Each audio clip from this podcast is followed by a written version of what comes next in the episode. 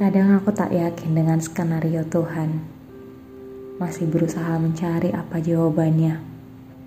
Mengulang cerita yang sebenarnya harus selesai dan terpaksa harus dimulai lagi. Cuma untuk mencari ending ceritanya seperti apa sih?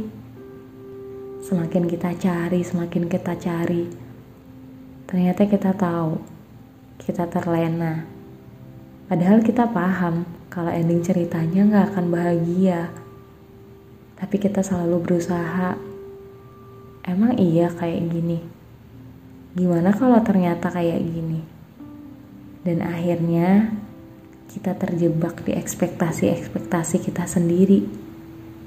Padahal kita sudah tahu endingnya udah gak akan bahagia. Endingnya gak akan seperti hayalan yang setiap hari kita ceritakan bersama lucu ya kita. Kayaknya kita terlalu berharap sama harapan-harapan kita. Terkungkung di harapan kita yang akhirnya kita melupakan. Kalau kenyataan itu menyakitkan.